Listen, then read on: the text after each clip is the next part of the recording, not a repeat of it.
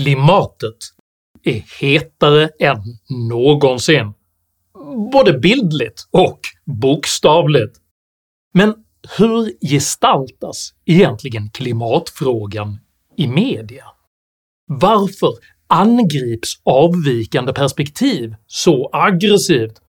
Och vad händer med ett samhälle som hellre bestraffar än berömmer en öppen diskussion? Dessa frågor tar jag upp i veckans video om klimatsyndare. Uppskattar du mina filmer så hjälper du mig att kunna fortsätta göra dem om du stöttar mig via något av betalningsalternativen här nedanför.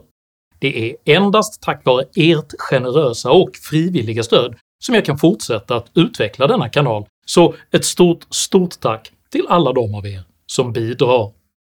Idag talar jag om sammanhållning, syndafloder och syndabockar. Häng med!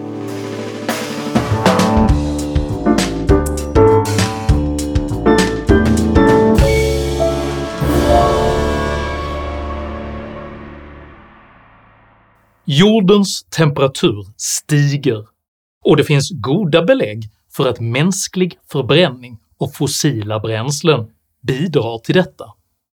Att på ett rationellt sätt minska förbränningen av fossila bränslen är därför önskvärt, men den centrala frågan gäller vad som egentligen är en långsiktigt effektiv strategi för att förverkliga en sådan omställning.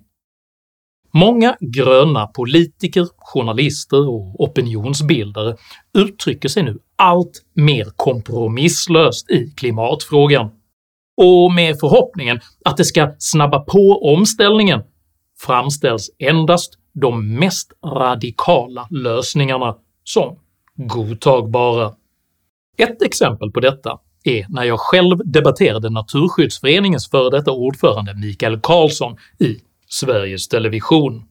Reduktionsplikten är ett prima exempel på meningslös symbolpolitik för att den inte fungerar på något annat sätt än att den får Sveriges siffror att se bra ut. Enligt statens offentliga utredningar från i år importerar Sverige ungefär 30 procent av hela världsmarknadens HVO. För det första så finns det helt enkelt inte tillräckligt mycket av de här biodrivmedlen om resten av Europa skulle skala upp sin konsumtion till Sveriges höga nivåer av reduktion. Det andra är att 63 procent av alla de här HVO-oljorna som används som reduktion, de kommer från animaliska produkter. Alltså det är djurfetter, typ ister som importeras från långväga borta, från Australien, från Argentina, från Vietnam med ett koldioxidavtryck för att de här slakteriresterna ska fraktas till Sverige. Det finns forskning forskarna är som landslaget, du sitter på läktaren och, och skriker på domarna och så vidare. Men eh, du presenterar ju en massa saker som inte är korrekta. Men... Du plockar siffror. Det är precis så här som klimatförnekarna beter sig. Man plockar, körsbärsplockar några siffror här, några siffror där. Det här är plockat ur statens offentliga utredningar. Ja, det är ett exempel. Men vi kan ta FNs klimatpanel, det är 10 000 sidor ungefär den senaste omgången. Vi kan ta internationella energirådet, International Energy Agency. Du underkänner statens offentliga utredningar ta... angående det här? Du underkänner det? Vi alltså. kan ta klimat Klimatpolitiska rådet, Naturvårdsverket, Energimyndigheten, alla är överens om att reduktionsplikten minskar utsläppen. Nej.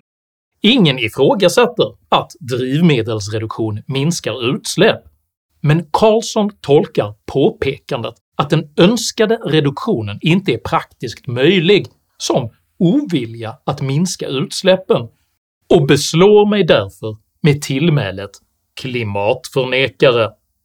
Detta sker trots att jag bara minuter tidigare bekräftat kopplingen mellan mänskliga koldioxidutsläpp och klimatförändringar.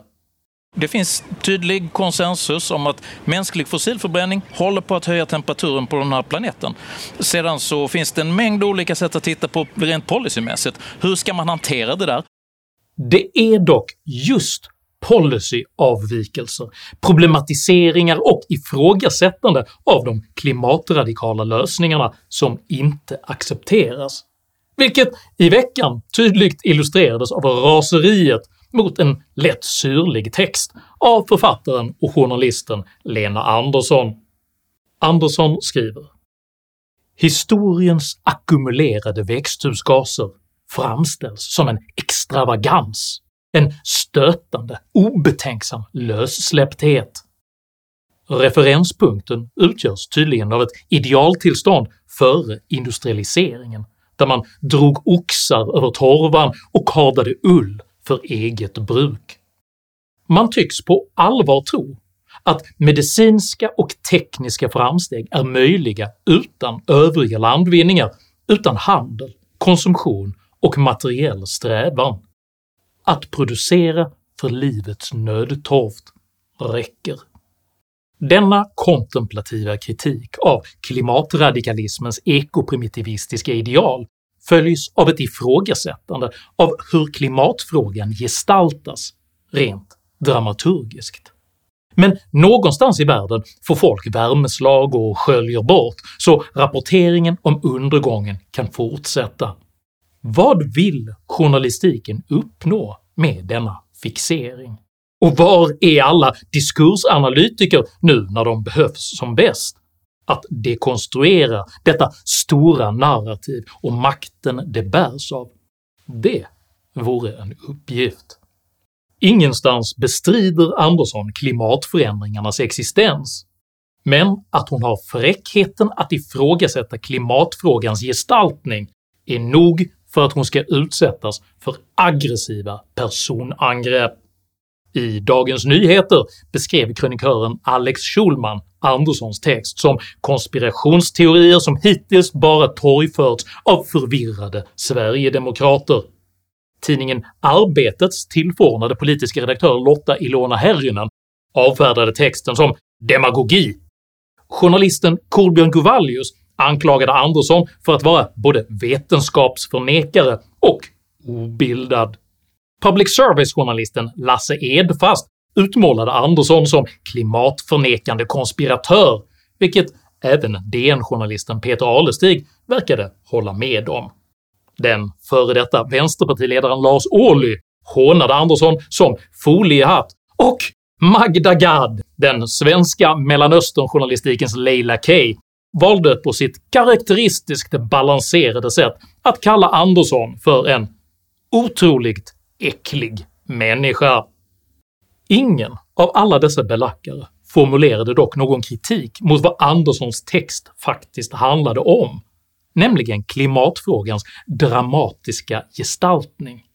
Samtliga angrep istället hennes person och tillskrev henne negativa egenskaper och åsikter hon inte hade uttryckt.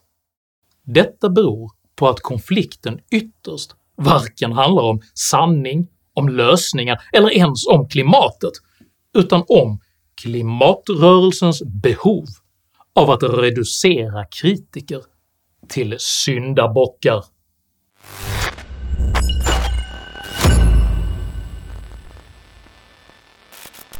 Den fransk-amerikanske historikern och filosofen René Girard beskriver i sin bok “La violence et le sacre” hur mänskliga samhällen tenderar att kanalisera sin kollektiva aggression mot syndabockar för att upprätthålla den sociala sammanhållningen. Syndabocken kan sedan offras, symboliskt eller bokstavligen, vilket upplevs rena samhället från synd och räddade från undergång.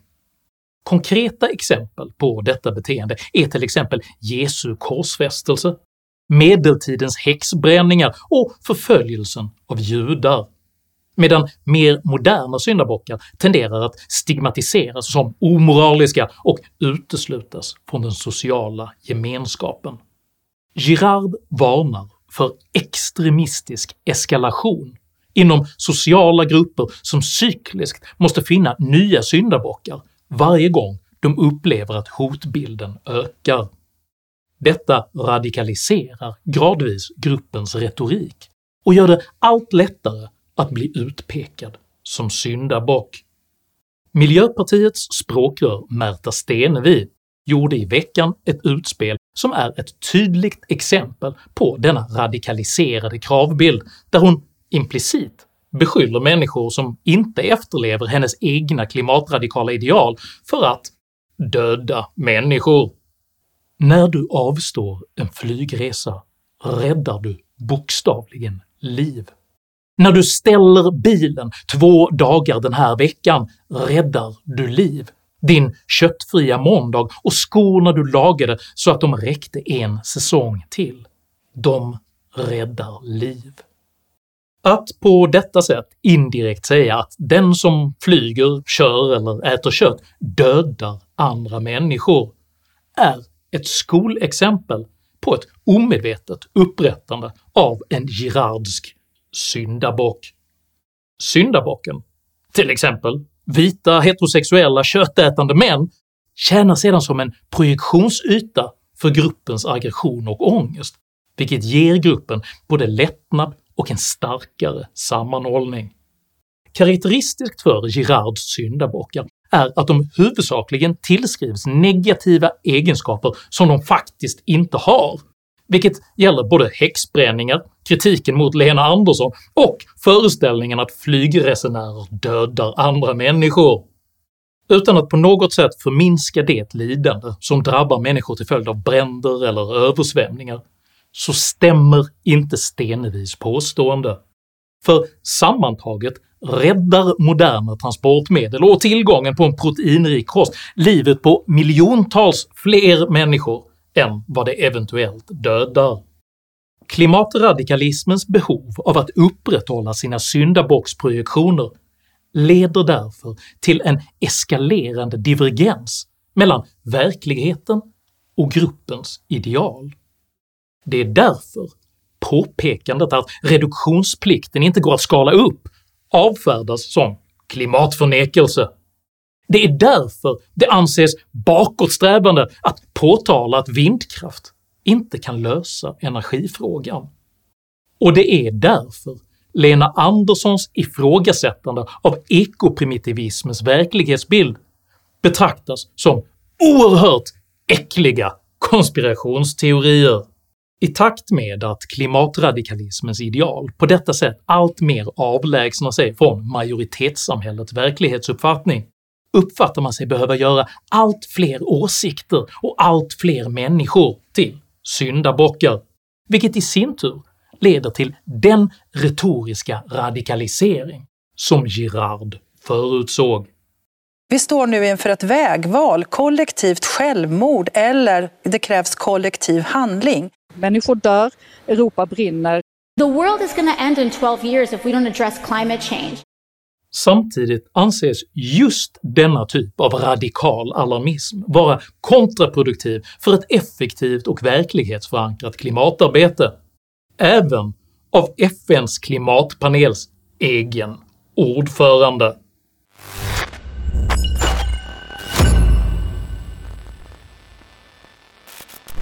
IPCCs nytillträdde ordförande Jim Ski har över 40 års erfarenhet och expertis inom klimatvetenskap.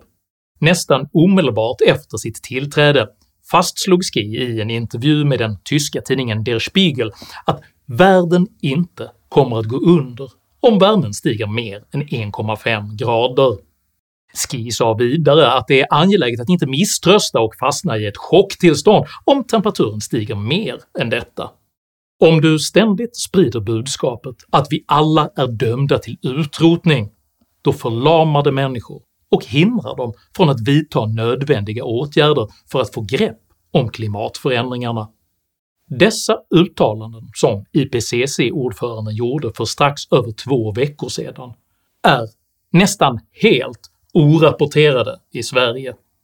En enkel sökning på Jim Ski 1,5-gradersmålet ger till exempel nästan uteslutande alarmistiska rubriker av typen “Klarar inte 1,5-gradersmålet”, “Tvinga företag att nå 1,5-gradersmålet”, “Klimatåtgärderna räcker inte”, “Klimatexperterna ger oss tre år, sedan är det för sent”, “Genomgripande förändringar nödvändiga för att nå klimatmålen”, “Det är nu eller aldrig” och “Vi går mot klimatkatastrof”.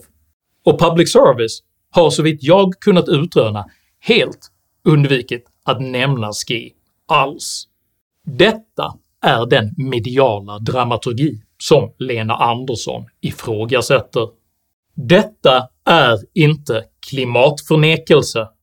Det är inte konspirationsteorier. Det är inte okunskap, vetenskapsförnekelse, foliehatteri eller ens någonting oerhört äckligt. Det är att med rätta ställa frågan vad journalistiken tror sig uppnå genom att uteslutande lyfta fram alarmistiska klimatbudskap i direkt strid med IPCC-ordförandens råd rörande hur man konstruktivt bör hantera klimatförändringar. Dessa råd råkar även vara den exakta motsatsen till den typ av rapportering och nyhetsvärdering som både Sveriges Television, Dagens Nyheter och allehanda pressstödsfinansierade publikationer ägnat det senaste decenniet åt att trumma in i svenska folket. According to the IPCC, we are less than 12 years away from not being able to undo our mistakes. Either we prevent a 1.5 degree of warming or we don't. Either we avoid setting off that irreversible chain reaction beyond human control or we don't.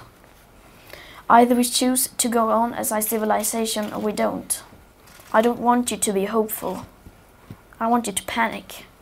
Att på denna apokalyptiska grund framställa klimatfrågan som ett val mellan radikalism eller undergång är en destruktiv och falsk dikotomi som ytterst riskerar att tvinga fram ogenomtänkta och kontraproduktiva panikbeslut.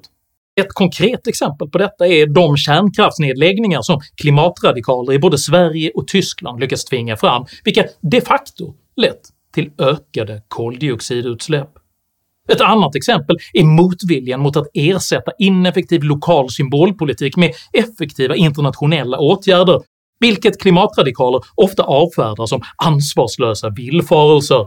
Om man hade tagit den miljarden som investerades i battericyklar och istället använt den till att investera i polska kolkraftverk och uppgradera deras reningsprocesser så hade man enligt räkneexemplet som Hassler lägger fram kunnat banta ner mängden koldioxidutsläpp som Polen gör med motsvarande eh, 600 000 bilar som kör 1500 mil per år. Att man liksom kan hitta enskilda personer, man kan hitta enskilda räkneexempel och lära sig utan till några siffror hit och dit.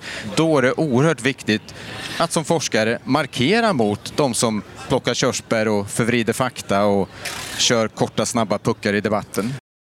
Den enda korta snabba puck som förekommer i svensk klimatrapportering gäller radikal inbromsningspolitik något som på ett närmast tragikomiskt sätt illustreras av Miljöpartiets ständiga rop på förbud av bland annat för korta flygresor, fel typ av flygresor, matmopeder, mopedbilar, vanliga bilar, dubbdäck, fyrverkerier, sälprodukter, jakt, tops och sugrör, kristna skolor, fimpar, kol, privata kvinnojourer, uran, minkfarmar och burhöns, engångsgrillar, att slänga kläder, att slänga mat, öl på arenor, fet fisk, fel fisk, reklam, sparkapital och håltimmar.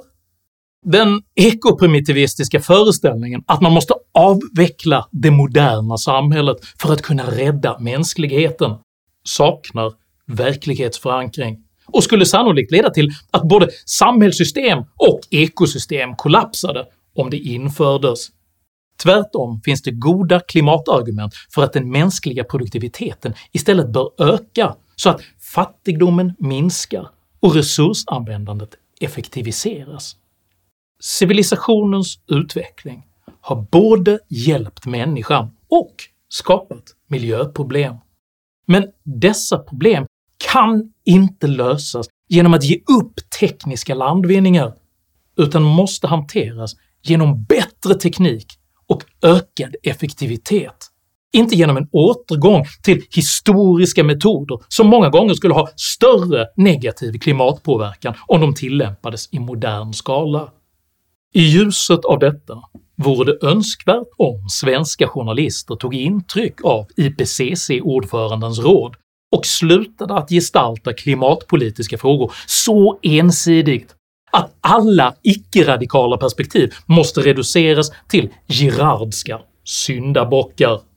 Och om man inte är villig att göra detta för den journalistiska hederlighetens skull, så kanske man i alla fall kan tänka sig att göra det för klimatet.